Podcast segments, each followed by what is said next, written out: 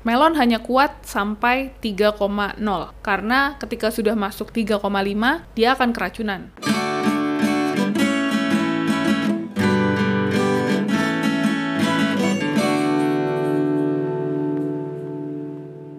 Di episode yang lalu, aku sudah sedikit menyinggung soal elektrokonduktivitas atau EC. Apa sih EC itu? EC atau elektrokonduktivitas adalah kelancaran daya hantar listrik antara katoda positif dan anoda negatif. Di hidroponik, EC adalah cara untuk mengukur konsentrasi unsur hara yang terlarut di dalam air. Unsur hara ini maksudnya pupuk AB mix.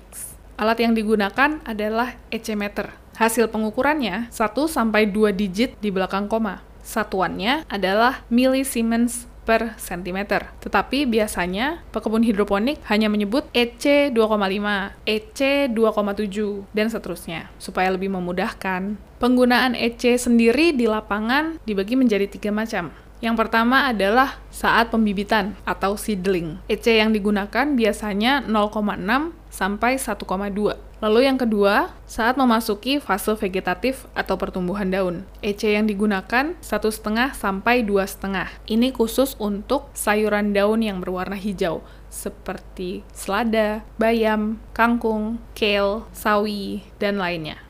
Lalu yang terakhir, ketika tanaman memasuki fase generatif atau pertumbuhan buah. Tidak semua tanaman akan masuk ke fase ini. Tentunya hanya tanaman buah saja. Misalnya seperti tomat, paprika, melon, semangka, dan lainnya.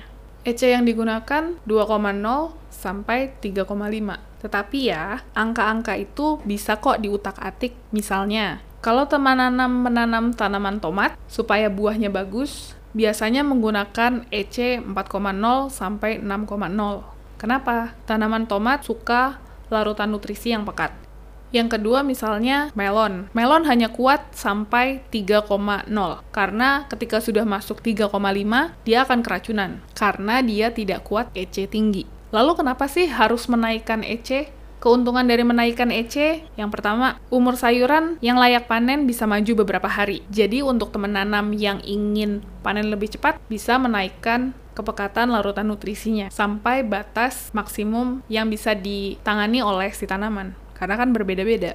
Lalu yang kedua, shelf life di supermarket bisa diperpanjang sampai 3 hari. Ini berlaku untuk pekebun hidroponik yang menjalankan bisnis. Jadi kalau sayurannya dijual di supermarket, supaya bisa lebih lama disimpan, EC-nya harus dinaikkan. Kemudian, EC yang dinaikkan juga bisa meningkatkan rasa manis pada buah tomat, melon, paprika, dan stroberi supaya rasa asamnya lebih terasa, jadi segar. Begitu juga dengan sayuran daun, kesegarannya dan kerenyahannya jadi lebih tahan lama. Ukuran dan bobot tanaman juga jadi lebih besar. Tentunya ini akan membuat senang siapa pun yang mengkonsumsinya. Tetapi kerugiannya juga ada. Yang pertama, biaya pupuknya jadi tinggi. Yang kedua, kalau EC-nya terlalu berlebih akan menimbulkan toksisitas sehingga tanamannya mati dan kemudian teman nanam harus mengulang lagi dari nol. Lalu bagaimana kalau EC-nya terlalu tinggi? Yang jelas tanaman tidak sanggup menyerap unsur hara. Dia akan menjadi jenuh. Ibaratnya seperti manusia. Kalau sudah mulai kenyang, tapi selalu disodorin makanan, lama-lama juga akan bosan, tidak kuat lagi memakan.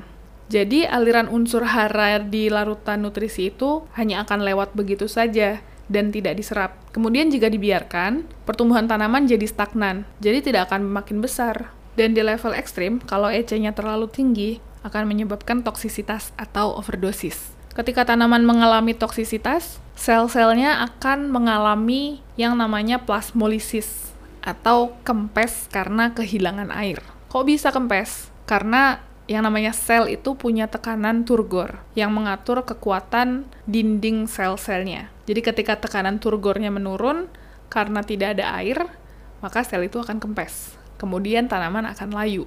Kalau layu dan dibiarkan, akan mati.